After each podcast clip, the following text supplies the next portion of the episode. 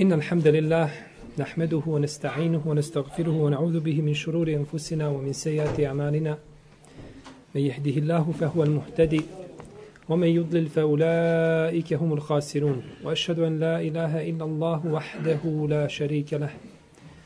وأشهد أن محمدا عبده ونبيه ورسوله وصفيه من خلقه وخليله. أدى الأمانة وبلغ الرسالة ونصح الأمة وكشف الله تعالى به الغمة. وجاهد في الله حق جهاده حتى يتاه اليقين. يا أيها الذين آمنوا اتقوا الله حق تقاته ولا تموتن إلا وأنتم مسلمون. يا أيها الناس اتقوا ربكم الذي خلقكم من نفس واحدة وخلق منها زوجها وبث منهما رجالا كثيرا ونساء واتقوا الله الذي تساءلون به والأرحام. إن الله كان عليكم رقيبا. يا أيها الذين آمنوا اتقوا الله وقولوا قولا سديدا. يصلح لكم أعمالكم ويغفر لكم ذنوبكم ومن يطع الله ورسوله فقد فاز فوزا عظيما. أما بعد فإن أحسن الكلام كلام الله وخير الهدي هدي محمد صلى الله عليه وسلم وشر الأمور محدثاتها وكل محدثة بدعة وكل بدعة ضلالة وكل ضلالة في النار. Bileže imam muslim u svome sahihu, Ibn Mađe u svome sunanu, imam Tirmizi u El Džamija i drugi, od Ebu Hureyre radijallahu ta'ala anhu i Ibn Abbasa i drugi, da je poslanik sallallahu alaihi wasallam rekao, Men seleke tarikan jeltemisu fihi ilmen, sehel Allahu lehu tarikan ila dženne. Kada se čovjek zaputi jednim putem na kome stiče nauku, ističući pravo, ispravno, korisno znanje, uzvišeni Allah te barake wa ta'ala mu olakša ulazak u džennet. Ovaj, kao i brojni drugi hadisi i kuransko-hadijski tekstovi ukazuju neminovno i bezrezervno na odliku sticanja znanja i na odliku učenjaka. Ovo su islamski učenjaci shvatili pored jasnih kuransko-hadijskih imperativa u pogledu sticanja znanja, jer je poslanik sallallahu alaihi wasallam rekao u hadisu koga bilježimo imam Ibn Mađe, koji je došao sa preko 50 različitih puteva, kako kaže imame Sujuti, u njemu stoje riječi poslanika sallallahu alaihi wasallame, talebul ilmi feridatun ala kulli muslim. Sticanje znanja je farz. Sticanje znanja je farz svakom muslimanu. Tako je rekao Allahov poslanik sallallahu alejhi ve selleme koji ne govori po svojim prohtjevima. Pa su islamski učenjaci nakon svatanja naredbe o sticanju znanja i nakon odlika koje govore o vrlinama učenih uputili se putevima koji ih vode ka džennetu. I jedan od najlakših puteva da čovjek dođe do Allahove dželešanu milosti i zadovoljstva i do dženeta jeste sticanje znanja.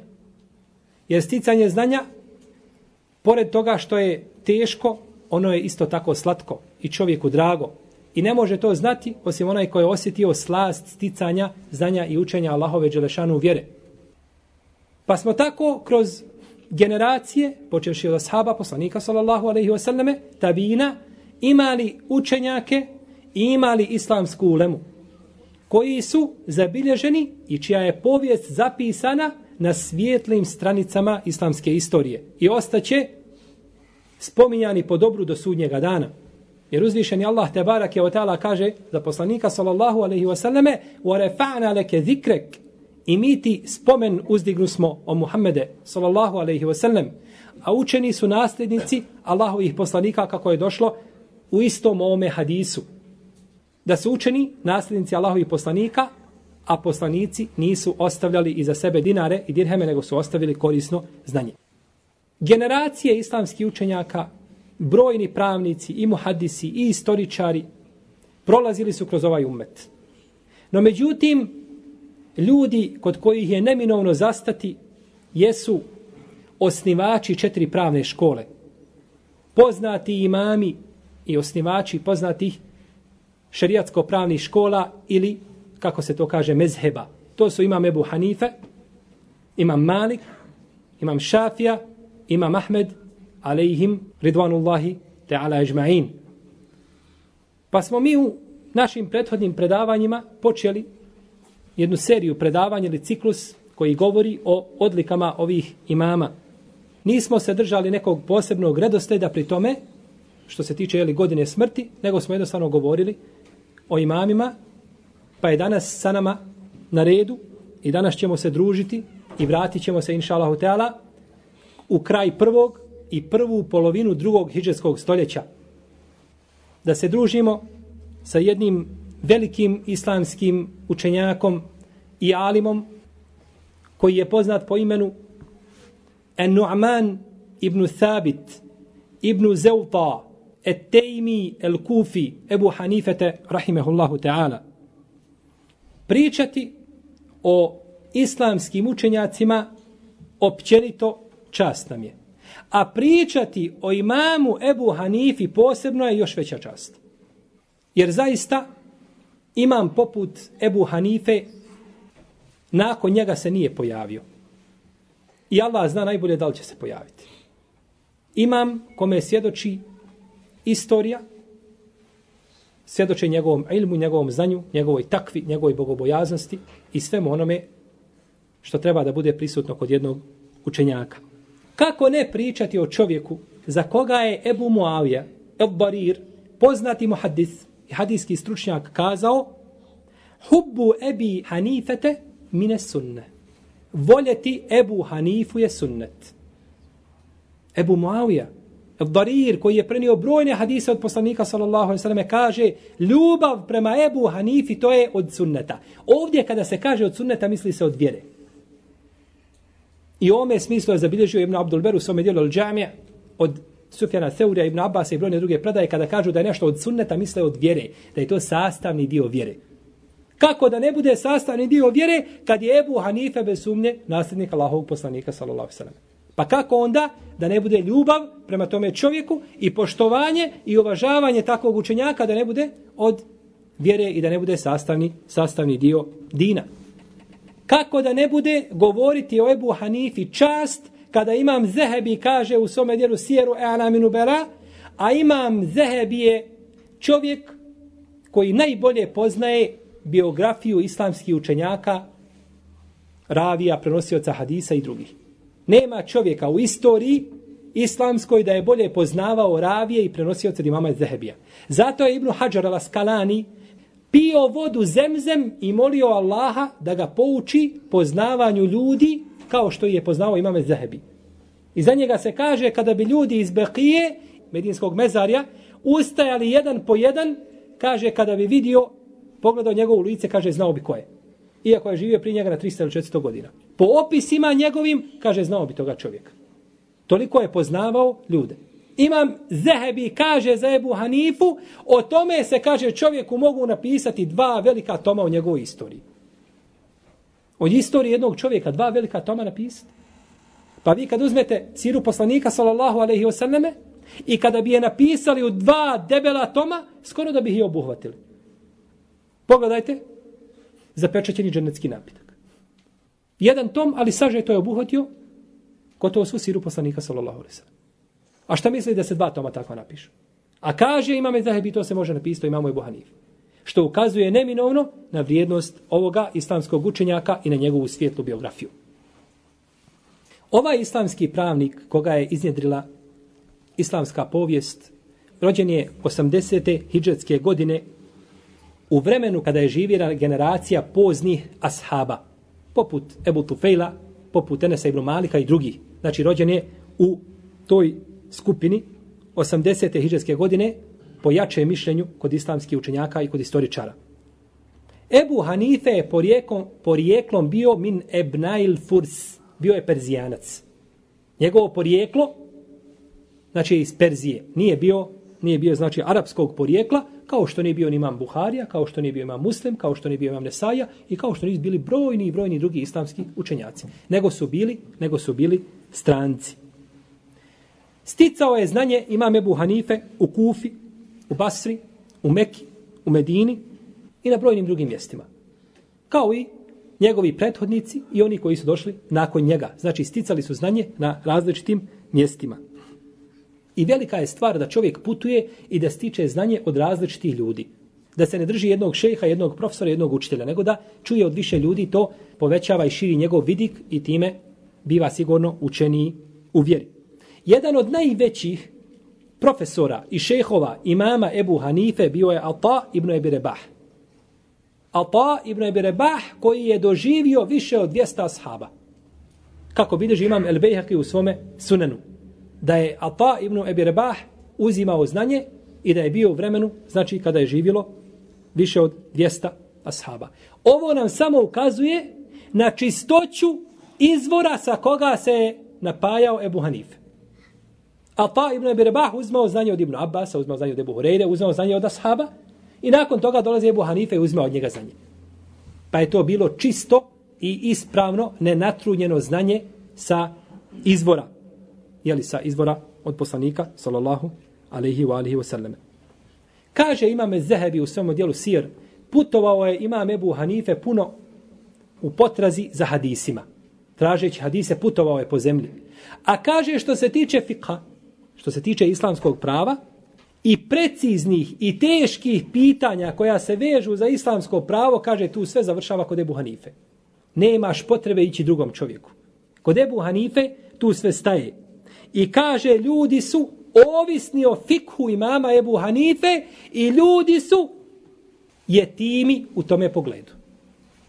Jetimi su u tome pogledu, čekaju da je dođe znači Ebu Hanife pa da im pomogne. I kaže dalje imam Zehebi i bio je Ebu Hanife min ezkija il alem i bio je, kaže, jedan od najpametnijih ljudi koji su prohodali zemaljskom kuglom. Od najpametnijih ljudi koji su ikad kročili zemaljskom kuglom bio je Ebu Hanife po imamu Zehebiju koji najbolje poznaje ravije. I zaista kada se pogleda istorija i sira imama Ebu Hanife, bez sumnje vidi se da su ove riječi istina i da u ovim riječima nema ni malo pretjerivanja. Koji ukazuju kakvu je logiku i kakav je razum imao Ebu Hanife i blagodat kojom ga je uzvišeni Allah te barake o teala obdario. Kaže Ali ibn Asim, le uvuzine ilmu l'imami Ebi Hanifete bi ilmi ehli zemanihi le ređeha alejhim. Kaže, kada bi se izvagalo znanje imama Ebu Hanife sa svim ljudima koji su živjeli u njegovo vrijeme, prevagnulo bi znanje imama Ebu Hanife. Prevagnulo bi znanje imama Ebu Hanife. A imam Šafija kaže kako bileži El Hatib El Bagdadi u svojoj povijesti u 13. tomu na 345. stranici En nasu ijalun ala ebi hanifete fil fiqh.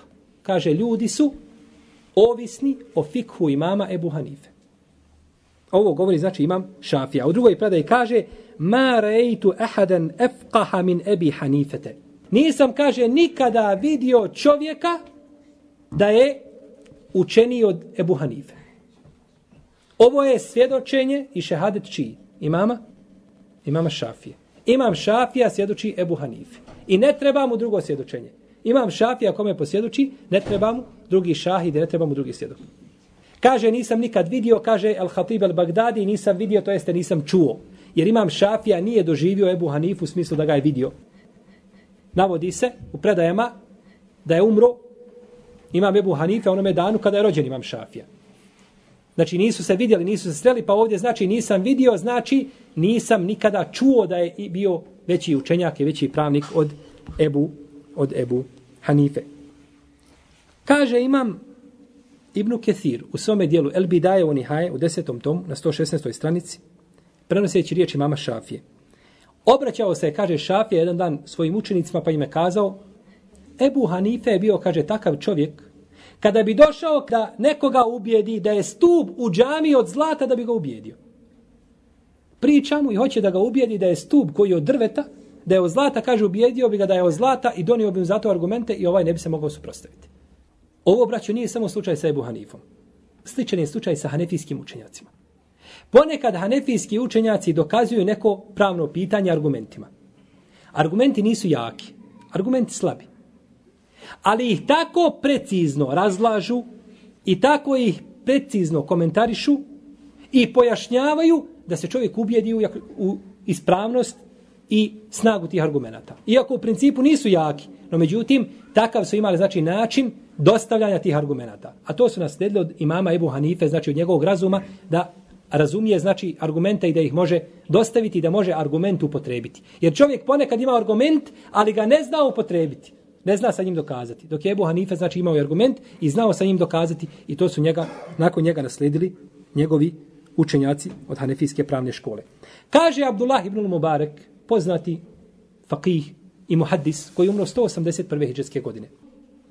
Leula enna Allahe e'aneni bi ebi Hanifete o Sufjane Theuri, le kuntu kesairin nas.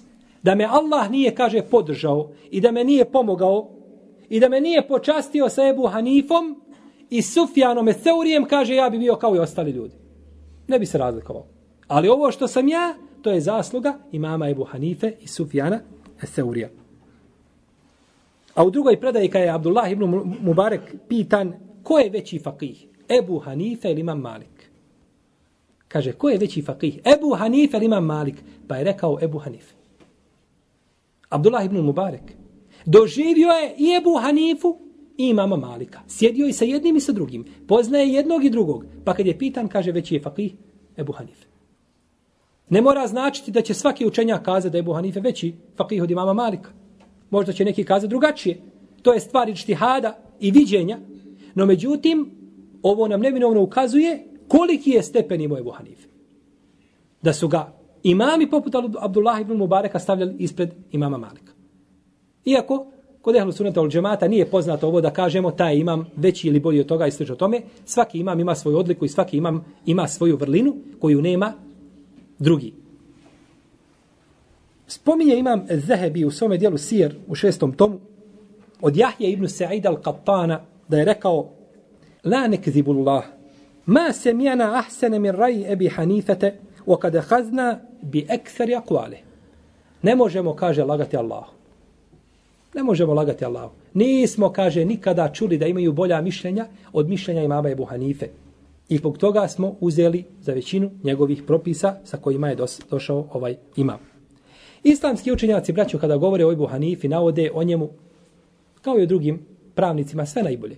Pohvale da je bio čovjek izrazite memorije, čovjek koji je bio najučeniji u svoje vrijeme, najbogobojazniji, sa najviše namaza, sa najviše posta i slično tome. I te odlike kada bismo spominjali, oduljili bismo i ne bismo opet završili. Jer se o njemu govori sve najbolje. Ima čak jedan hadis koga bilježi Al-Khatib al-Baghdadi u svojoj povijesti u kome Ebu Hureyre kaže da je poslanik sallallahu alaihi sallam rekao je fi ummeti ređulun ismuhu an-nu'man wa kunijetuhu Ebu Hanife huwa sirađu ummeti huwa sirađu ummeti huwa sirađu ummeti kaže bit će u mome umetu čovjek koji se zove Nu'man a nadimak mu je Ebu Hanife on je kaže svjetlo ili svjetiljka ili žarulja moga, žarulja moga umeta. Svjetiljka moga umeta, svjetiljka moga umeta. No međutim, ovaj hadis je lažan. Ovaj hadis je lažan. Hadis koji se znači navodi da je direktno Ebu Hanife ili bilo kod imama spomenut po imenu je lažni. To su lažni hadisi. To su izmislili ljudi koji su bili pristrasni znači imamima svojih mezheba jer nije poslanik sa osrem njih spominjao, spominjao po imenu. Pa neki kažu, imam Ebu Hanife, kasnije ćemo spominjati da je bio iz skupine tabina, kažu je najbolji tabin. Da imam Ebu Hanife najbolji tabin. No međutim, ispravno da je najbolji tabin ko? Ovo je Selkarni, jeste. Koga je poslanik Salosan spomenuo hadisu, koga bilježi ima muslim i kazao da je on najbolji tabin. Pa znači, odlike imama Hanife su velike i bez izmišljanja hadisa. Imam Ebu Hanife nije zadovoljan da neko izmišlja hadise u pohvali njemu. Njemu je dovoljno to što mu umet svjedoči da je on imam. Ne treba mu ništa više nakon toga. Što se umet složio na imametu i na odlikama imama Ebu Hanife. Bio je čovjek zahid, bogobojazan, učio je puno Kur'an. Došlo je sa dva različita puta da je Ebu Hanife proučio Kur'an na jednom rekiatu. Stao bi na jedan rekiat i kao što je uradio Othman ibn Affan, radijallahu anhu, proučio bi Kur'an na jednom, na jednom rekiatu. Na jednom rekiatu. A u nekim se drugim predajama navodi da bi svakog jutra pred zoru da bi završavao sa hatmom. svakog jutra pred zoru da bi završavao imam Ebu Hanife sa hatmom, pa se navodi čak da je proučio Kur'an u svome životu 7000 puta. Ovo spominju knjige istorije, sire navode, Allah zanavlja o ispravnosti toga, no međutim, vjerujemo sigurno da imam Ebu Hanife bio od onih koji se družili sa Kur'anom i koji su noći provodili sa učenjem Kur'ana. 40 godina je klanjao sabahski farz sa jacijskim abdestom. Znači, presjedio bi cijelo veče, cijelo veče bi presjedio učeći, klanjajući, badeteći i onda bi tako dočekao, tako bi dočekao zoru. A kada bi nešto od imetka dao svojoj familiji za izdržavanje, istu tu količinu bi imetka dao na lahom putu kao sedaku. Pa ako svojoj familiji dadne 10 dirhema, za izdržavanje 10 dirhema bi u istog momenta dao i na Allahovom putu. Kaže Sufjan ibn Ujejne, rahimehullahu ta'ala, nije, kaže, u Meku u naše vrijeme došao čovjek sa više namaza, koji je više obavljao namaz, dobrovoljni namaz, od imama Ebu Hanife. Od imama Ebu Hanife. Ovo je bitna stvar kada govorimo o imamu Ebu Hanifi, da je spojio između takve bogobojaznosti i znanja. Da bude učenjak i da bude pobožnjak. Jer te dvije stvari jako teško spojiti. Jer čovjek koji je učen mora puno vremena provesti u znanju. Pa nema puno vremena za sticanje znanja, znači mora uzeti puno vremena, a nema onda vremena za ibadete. Dok je imam Ebu Hanife spojio, spojio između te dvije, između te dvije stvari. Kaže Ebu Džafar Razi, Ma rejtu ahadan afqaha min Ebi Hanifete, wa ma rejtu ahadan eura minhu. Nisam, kaže, vidio nikad čovjeka učinije god Ebu Hanife. Allahu ajet. Nikad učenije nešto vidio nisam, a kaže nisam u istom momentu vidio nikad bogobojaznijeg čovjeka od imama Ebu Hanife. Nikad nisam vidio, kaže bogobojaznijeg čovjeka od imama Ebu Hanife. Dobro. Ovdje kažemo najučeniji, najbogobojazniji. U čijem vremenu? U vremenu tabina. U svome vremenu, u vremenu tabina. Lahko je biti učen čovjek među neučenim narodom. To je lahko biti učen. Ali biti učen među tabijinima i da se u tebe upire prstom i da toliko odskačeš od svoje generacije i po takvi, i po znanju, i po svemu, to je velika stvar. U vremenu kada su ljudi učili, kada su ljudi sticali znanje, imam Ibn Hajar al-Askalani, kada je u svome dijelu Tehdibu Tehdib, kada je govorio o jednom ravi koji se zove Osman ibn Muhammed ibn Osman el-Kufi, el-Abesi, jedan veliki pravnik koji je umro 239. hiđarske godine, kaže za njega thiqatun hafiz. Imao je, kaže, izuzetno dobro pamćenje, bio je povjedljiv. Wa ennehu la yahfaz al-Qur'an. A kaže, govorilo se je za njega da ne zna Kur'an. Razumijete? Kaže, on je iskren, povjedljiv, ali mu se uzima kao mahana da ne zna Kur'an. Što znači da su ljudi svi znali Kur'an, to je poznavanje Kur'ana je bila i učenje Kur'ana na pamet je bila potpuno normalna stvar i bio je čudan ko ne zna Kur'an na pamet. E u takvim vremenima treba pokazati svoje znanje što je pokazao, što je pokazao imam Ebu Hanife, rahimehullahu ta'ala. Jedne prilike kada su kazali imamo Ebu Hanifi, nakon što ga je halifa Ebu Džafer al-Mansur prisiljavao, Ebu Džafer al-Mansur u njegovo vrijeme, koji je kažnjavao imama Malika, isto tako, prisiljavao imama Ebu Hanifu da bude kadija. Pa Ebu Hanife odbijeo. Ovaj viče, vallahi ćeš biti, a Ebu Hanife viče, vallahi neću biti. Vallahi ćeš biti, vallahi neću biti. Pa mu kažu, kako se možeš ti zaklesti ako se imam, ako se već halifa kleteš, što se ti kleteš? Kaže, halifa je bogatiji od mene, nek se iskupi.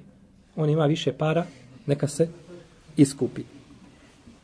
Jedne prilike je kazao Ebu Džafar al-Mansur, halifa, Ebu Hanifi, kaže, bit ćeš kadija. Kaže, neću. Kaže, hoćeš. Kaže, o halifa, ja, kaže, nisam zaslužan da budem kadija. Ja nisam adekvatna osoba da budem kadija. Kaže, lažeš jesi. Pa mu kaže Ebu Hanife, o halifa, ti si potvrdio da ja nisam zaslužen da budem kadija. Ti si, kaže, rekao da sam ja lažo. A kaže, lažov ne može biti kadija. A ako me smatraš iskrenim, onda sam ti kazao da ne mogu biti. Pa svakako, neću, kaže, biti, neću biti kadija. Pa nije, znači, pristao, nije pristao da bude kadija. Imam Bebu Hanife jedne večeri u snu usnio da kopa mezar poslanika sallallahu alejhi ve selleme. Da kopa mezar i da vadi kosti poslanika sallallahu alejhi ve selleme, pa kad je došao kada je došao u Basru, naredio je jednom od svojih prijatelja da upita Muhameda ibn Sirina. Muhameda ibn Sirina, šta znači to? Pa mu je kazao Muhammed ibn Sirin, kaže, taj čovjek vadi vijesti poslanika s.a.v. i predočava i ljudima. To jeste, on širi vjeru, oživljava sunnet poslanika, sallallahu alaihi wa alaihi wa U istinu je takav bio imam Ebu Hanife, oživio je ljudima ono što su umrtvili od vjere. No međutim, imam Ebu Hanife nije bio pošteđen prigovora. Pored njegovog imameta, nije bio pošteđen prigovora od strane pojedinih islamskih učenjaka. Mi nemamo ovdje priliku da o tome pričamo puno, kazat ćemo nešto najsažetije ukratko. Imamu Ebu Hanifu su prigovorili neki kasniji učenjaci, kažu da je imao slabije pamćenje. Kažu da je imao slabije pamćenje, neki kasniji učenjaci. No međutim, ako se vratimo na raniju ulemu, vidjet ćemo da nisu tako govorili. Poput Jahja ibn Ma'ina. Jahja ibn Ma'in je isto tako jedan od najvećih poznavaoca ravija i ljudi koji su bili koji isprenosili hadise. Kaže za imama Ebu Hanifu, kaže Kjane Ebu Hanifete thikaten la juhaddisu ila bima jahfaz, wala juhaddisu bima la jahfaz. Ebu Hanife kaže bio povjedljiv, thika, povjerljiv 100% bio i nije, kaže, pričao, nego ono što je pamtio. A kaže, ono što nije pamtio, nije pričao. Ovo je rekao Jahja ibn Ma'in i kaže, ne znam da ga iko cijenio nepoznanim. Jahja ibn Ma'in koji je bio suvremenik imama Ahmeda. Imam Ahmeda i Alija ibn Medinija i drugi. A kaže Ali ibn Medini, Ebu Hanifete, Rewa, Ani Seuri, Ibn Mubarek, Wahuve Thikatun la ba'se bihi. Ebu Hanife prenosi kaže od imama Eseurija i Abdullah ibn Mubareka i drugi i on je, kaže, povjedljiv, kaže, nema smetnje u njegovim hadisima. Pa su znači, mnogi islamski učenjaci potvrdili da je imam Ebu Hanife imao dobro pamćenje. Ono što je kasnije doslo od prigovora od imama Nesaije i drugi, to je 303. hijđetska godina, to je već kasnije vrijeme, nisu doživjeli ni ljude koji su doživjeli imama Ebu Hanifu, tako da sigurno ocjene ovih učenjaka i pohvale imama Ebu Hanife se stavljaju sigurno na prvo mjesto ispred, ispred toga. I isto tako možemo kazati da nezamislivo je da čovjek može u fikhu tako biti učen, a da, je ne, pozna, da ne poznaje hadis. I da nije pamtio hadis. Fik je građen na hadisu. 80% ili 70% fika je građeno na hadisu. Naravno, tančine i detalji fikha oko koji se najviše raspravlja su građeni na hadisu. Ne raspravlja se o tome puno kako se ruku čini, i kako se sežda čini i da li je sežda ruk namaza ili da nije ruk namaza. Ono što je spomenuto u Kur'anu, to je jasno. No međutim, baš se vodi spor oko hadisa. Pa ne bi bilo razumljivo znači da Ebu Hanife bude takav poznavac fikha i da mu islamski učenjaci fakihi svjedoče njegovom fiku, a da mu ne svjedoče na njegovom, na njegovom hadisu. Isto tako, učenjaci koji su priznali da je Ebu Hanife bio fakih, moraju priznati da je bio i muhadis i da je poznao hadis. Jer je nemoguće da čovjek poznaje hadis fik ako ne poznaje hadise poslanika sa osalem i riječ ashaba. Nezamislivo je znači da, da bude na takav način faqih. Pa sigurno ono što je usmjereno je od prigovora nema svoje mjesto. Mi ne osuđujemo riječi učenjaka koji su prigovorili, oni imaju pravo na svoj ištihad, ali nećemo to prihvatiti, nego Ebu Hanife sigurno ostaje jedan od imama kome je istorija posvjedočila na njegovom znanju. Jedino što imam Ebu Hanife postavio posebno žestoke uvjete oko primanja hadisa. Pa je to zbunilo neke nije htio prihvatati hadise koji god dođu, nego je postavio žestoke uvjete za prihvatanje tih hadisa, jer se u to vrijeme pojavilo puno kojih onih koji su izmišljali na poslanika sallallahu alejhi ve selleme pa Ebu Hanife zatvarajući ta šejtanska vrata ovaj ponekad odbijaju možda hadise koji su kod neki bili vjerodostojni zbog šartova koje koje je postavio. Jedna od najvećih odlika imamu Ebu Hanifi jeste to i koja ga izdvaja između njegove braće imama mezheba jeste to što imam Ebu Hanife svrstan među tabijine. U skupinu tabijina da je svrstan. Tu postoji spor među islamskim učenjacima. On je živio u vrijeme Enesa ibn Malika. Neki kažu da je vidio Enesa ibn Malika i drugi ashabe, ali nije čuo, odnosno spor se vodi da li je čuo nešto od Enesa ibn Malika. Da li je čuo nešto i da li je prenio nešto od Enesa ibn Malika, no međutim po većini mu hadisa, hadijskih stručnjaka, Tabin postaje tabinom kada vidi jednog ashaba i umre na svom islamu. Vidio ashaba za svoga života i umre na svom islamu, on time biva, time biva, jeli, tabin i ne mora ništa prenijeti od njega. U skupinu tabina su ga svrstali Ibn Sad, El Zehebi, Ibn Hajar, El Iraqi, El Darekutni, El Sujuti, El Mizi, El Khatib, El Ibn Džauzi, Ibn Abdel El Neuvi, El Samani i brojni drugi Svrstali su, znači, imama Ebu Hanifu u skupinu tabina. U skupinu tabina, pa on ulazi u okrilje ajeta i na njega se odnose riječi Allaha tebarake wa ta'ala وَالَّذِينَ تَبَعُوهُمْ بِإِحْسَانِ رَضِيَ اللَّهُ عَنْهُمْ وَرَضُوا عَنْهُ I oni koji njih, to jest ashabe, slijede u dobru, Allah je zadovoljan sa njima i oni su zadovoljni sa njim. Pa imam Ebu Hanife, inša Allah, teala, počašćen značenjem ovoga ajeta. Kao i svi ljudi koji dolaze nakon toga, koji slijede ashabe, poslanika, sallallahu ali prvenstveno ili tabini su oni koji dolaze odmah nakon ashaba. Imam Ebu Hanife, draga moja braćo i cijenjene sestre, je bio jako pametan čovjek. Razum kakav Allah žanu ga daje samo kome hoće od svojih robova. I to pojedincima od svojih robova. I to se vidi kroz brojna pitanja i slučajeve koji se dešavali u vrijeme Ebu Hanife koje, koje on rješavao. Jedne prilike mu je došao čovjek, ja sam, kaže, jučer zatekao u moje kući lopove. Vidio sam jednog od njih, čovjek kaže iz naše džamije koji klanja sa nama. Sa nama, kaže, obavlja namaz i on je, kaže, jedan od tih lopova.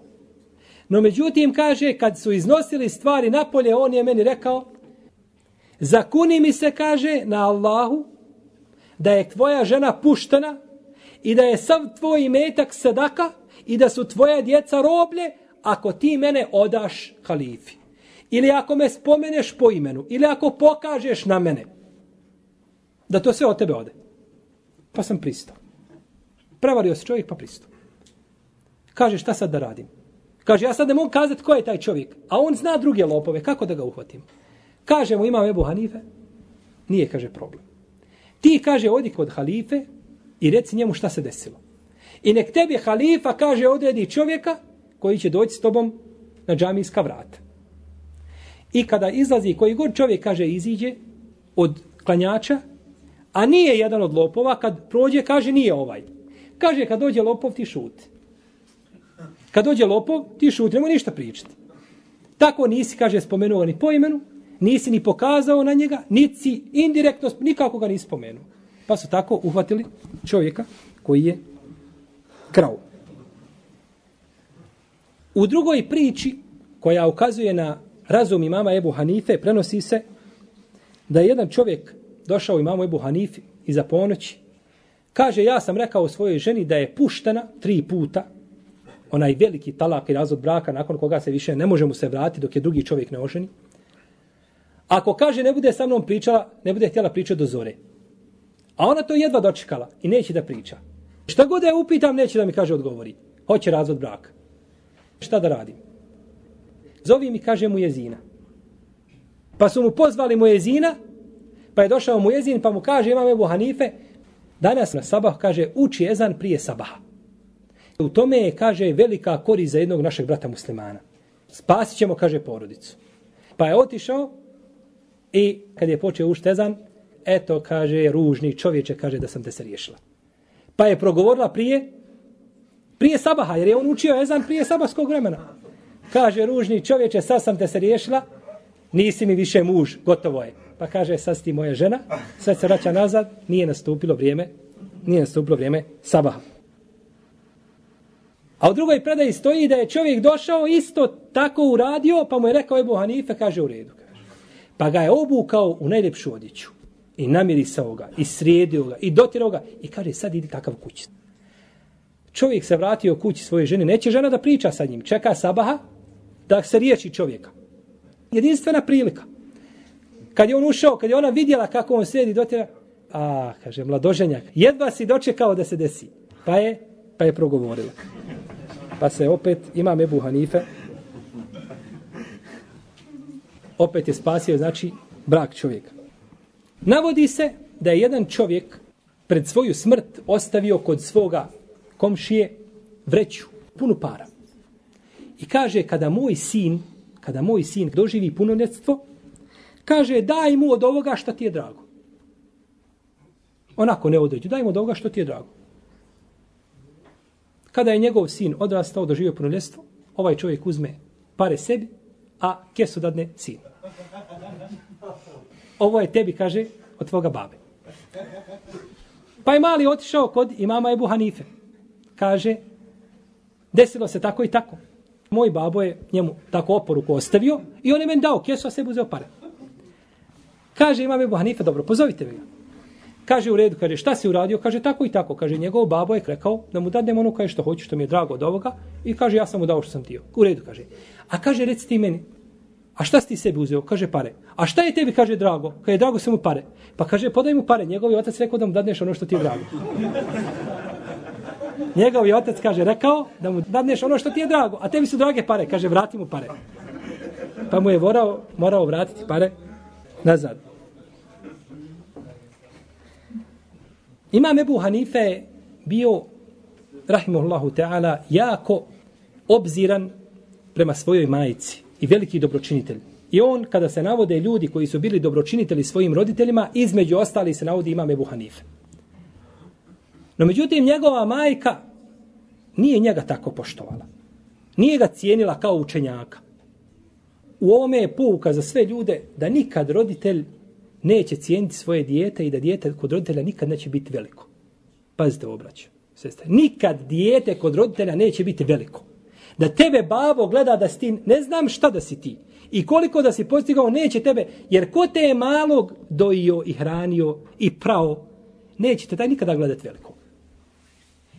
Šta je radila njegova majka? Idi, kaže, kod Omera ibn Zera, Ebu Taliba el Kasa, kaže, pa ga pitaj nešto. Pa kaže Ebu Hanife, to je, kaže, moj učenik, taj sjedi ispred mene, taj ne može pričati kad sam ja prisutan. Ne, ne, ne, kaže, idi, kaže, njega pitaj. U redu, kaže majko. Pa bi ošao kod, kod njega i kaže mu, moja majka te pita i to i to. Kaže, dobro, Ebu Hanife, a kakav je odgovor? Kaže, odgovor je takav i takav. Dobro, kaže, odgovor za tvoju majku i onda pečatira to i nosi majici. Kad dođe majici, pročita odgovor, kaže, to je, kaže, fetva. Nije to, kaže, znanje Ebu Hanife. To je, kaže, znanje Omerovo, Tako, kaže, treba pričati, a ne pričati kako priča Ebu Hanife. No, međutim, imam Ebu Hanife uvijek poštovao i cijenio svoju majku i udovoljavao je, znači, njoj i njenim zahtjevima. Jedne prilike, jedan čovjek, pokvarenjak, kazao je da je Osman radijallahu anhu da je židov. Kažu, to je to je židov samo koji je primio islam tek tako munafik primio je islam da bi iskoristio muslimane, islam i tako dalje, on nije musliman opće. Pa je Ebu Hanife došao jednog dana kod njega i kaže mu, hoće da ga pouči. U redu, kaže, ja sam, kaže, došao da prosim tvoju čerku. Kaže moj čovjek, ako si ti došao da prosiš moju čerku, ona pripada tebi. Ali samo kaže, reci, za koga je prosiš? Prosim je, kaže, za jednog čovjeka dobrog. Čovjeka koji zna Allahovu knjigu na pamet i čovjeka koji klanja, i čovjeka koji posti, i najbolje, i naj... kaže dovoljno je, kaže ne treba mi, kaže ništa više od toga. Kaže ti si je zaprosio tome i kaže za mene je to dovoljno. Ona je isprošana. Kaže moj Buharife, no međutim, čekaj, kaže, ima jedna mahana. Kakva mahana može biti? Kaže, mahana, kaže, taj čovjek, on je židov, kaže, nije musliman. Pa mu kaže ovaj, boj se Allaha, kaže, kako da ja svoje dijete udam za židova? Zar to razum može pojmi da ja svoje dijete udam za židova? Kaže, e to hoću o Allahov neprijatelju. To kaže, hoću. Allahov poslanik, sallallahu svoje dvije kćerke udaje za židova. A ti ne bi svoju udo? Tvoja kćerka bolja od kćerke Allahovog poslanika, sallallahu alaihi wasallam. Jer zna se da je Allahov poslanik udao dvije svoje kćerke, jeli za? Osmana, radi Allahu anhu. A kaže, ti ne bi udao svoje.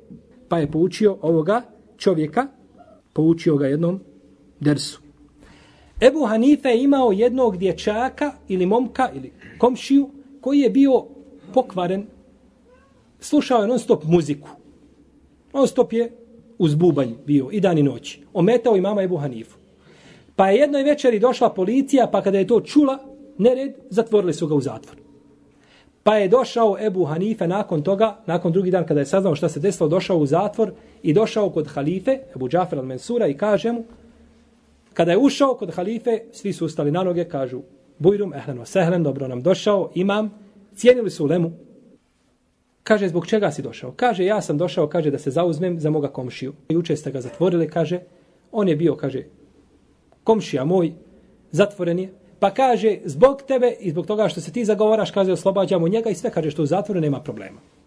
Pa je izišao taj mladić, pa je Ebu Hanife, nakon toga uzeo deset dinara ili dirhema i dao tome mladiću, kaže, ovo ti je za jučerašnji dan kada nisi radio, kada nisi mogao ništa pribaviti, da imaš za obskrbu, pa su ustali svi koji su bili prisutni, poljubili mama Ebu Hanifu u glavu i znači bili su svi znači pušteni, pa su nakon toga dolazili u halke kod imama Ebu Hanife isticali, isticali znanje. I tako imam Ebu Hanife, što se tiče njega, navode se brojne, navode se brojne priče sa njim i sa Ebu Jusufom, kadijom poznatim, njegovim učenjakom. Navode se priče kako je raspravljao sa ateistima, kaže se jedne prilike da raspravljao sa ateistima, pa je zakasnio na raspravu. Pa kad je došao, pita ga, jedan, što si zakasnio prvo? Od edeba i od etike da dođeš na raspravu na vrijeme. Zbog čega je zakasnio? Pa kaže, ja sam, kaže, čekao na rijeci prevoz. I kaže, nije naišla lađa. I kaže, ja tako tužan, kaže, sjedim. Gledam, kaže, kada jedan put pade drvo u vodu. I kaže, pođe se cijepati. I kaže, onda oni balvani se spajaju jedan do drugog i sklapaju kad ispade splav. I kaže, pored mene najđe, ja, kaže, na splavi došao, kaže, vamo, tako sam stigao. Pa mu kaže, ovaj jedan prisutni, kaže, pogledajte, kaže, ovo je vaš imam, koga vi cijenite, koga poštujete, pogledajte šta valja i kakve gluposti priča. Pa mu je kazao, zbog čega? U čemu je problem da splav se napravi sam? Kaže, to je nemoguće. Kaže, splav se sam ne može napraviti. A nebesa i zemlja, sve to samo o sebe može nastati. Ovo što vi tvrdite. Pa je nakon toga odvojio ga u stranu odvojio ga u stranu, pa mu je nešto pričao, niko nije čuo. Pa ljudi gledaju, ima, ima Ebu Hanife mijenja boju svoga lica.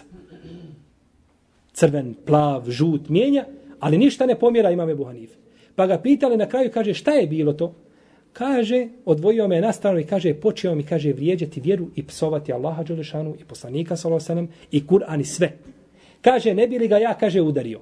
Pa da ljudi kažu, To je on odvojio Ebu Hanif, pa mu iznio argumente, a Ebu Hanife se nije mogao suprostaviti nego batinom. Jer čovjek kada ne može argumentom, onda može, je tako, snagom. Imam Ebu Hanife, rahimehullahu ta'ala, kao i brojni drugi učenjaci, nije bio pošteđen i nije bio sačuvan iskušenja. I to je sunnet Allahov te barake otala na zemlji.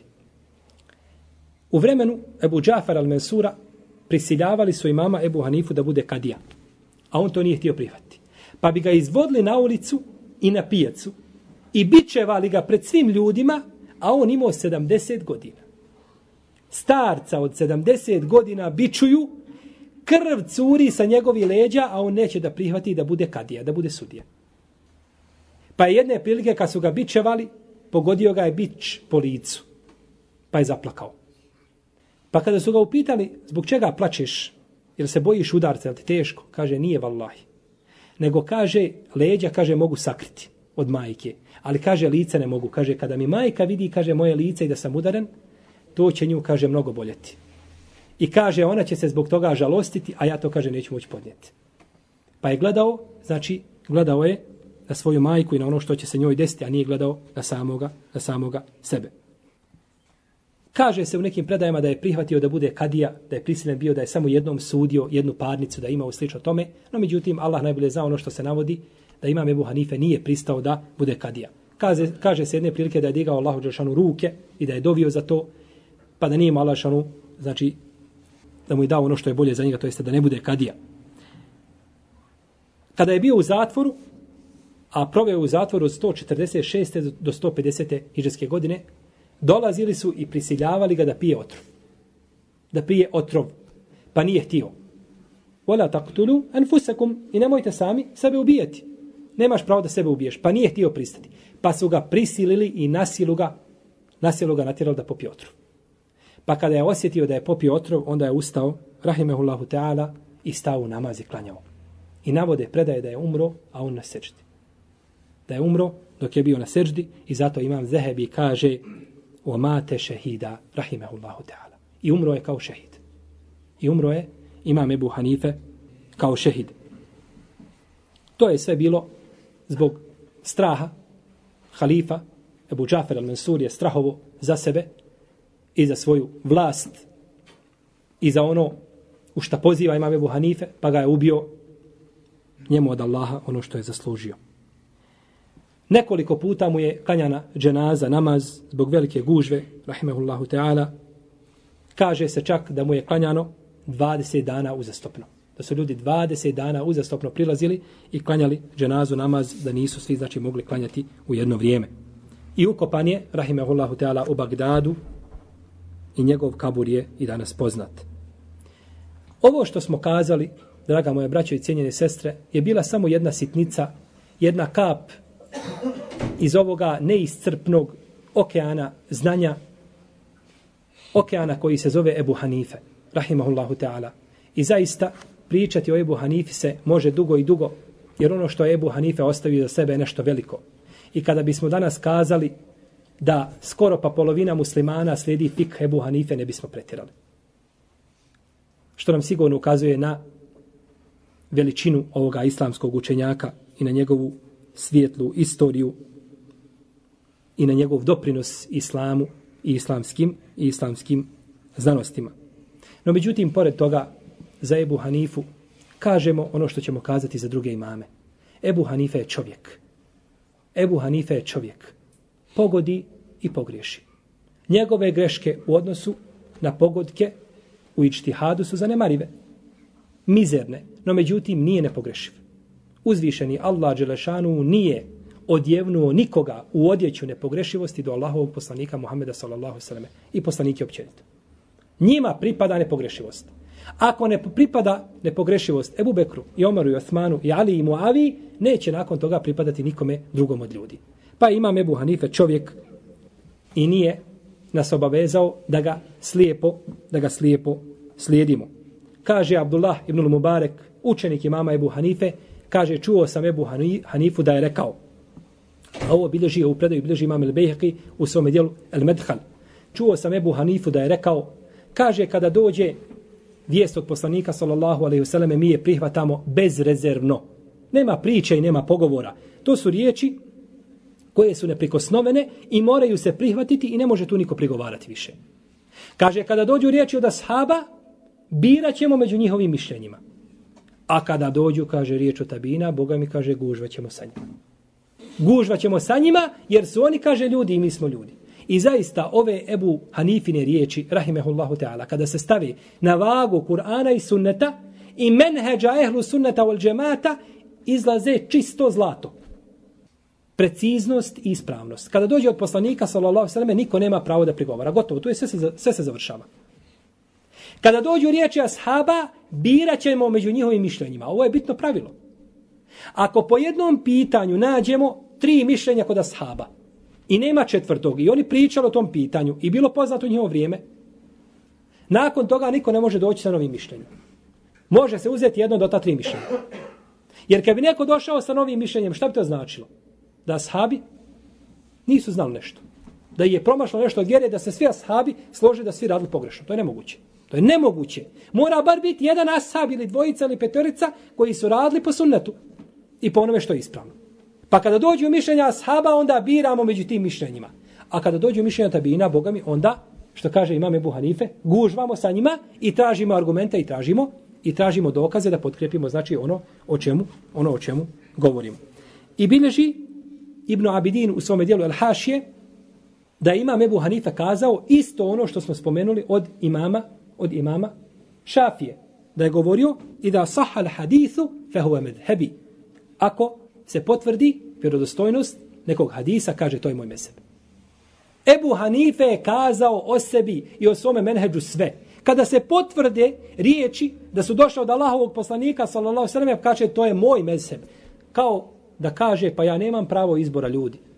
Ja slijedim Allahovog poslanika, sallallahu alaihi wasallam, i takav je bio za svoga života, i takav je napustio ovaj dunjaluk, pa molim uzvišenog Allaha te barake o teala, da mu osjeti njegov kabur i da ga uvede u džennetska prostranstva, u najviše stepene dženneta, dženneta Firdevsa sa Allahovim poslanikom, Muhammedom sallallahu alaihi vseleme, iskrenim dobrim i šehidima, a nas da povuči našoj vjeri, da popravi naša stanja i stanja naših porodica, da poveća našu ljubav prema islamskim učenjacima i naše slijedjenje njih i onoga što su nam pojašnjavali i čime su došli i da nam od naših dijela učini najboljim zadnja od njih. Wallahu ta'ala alam.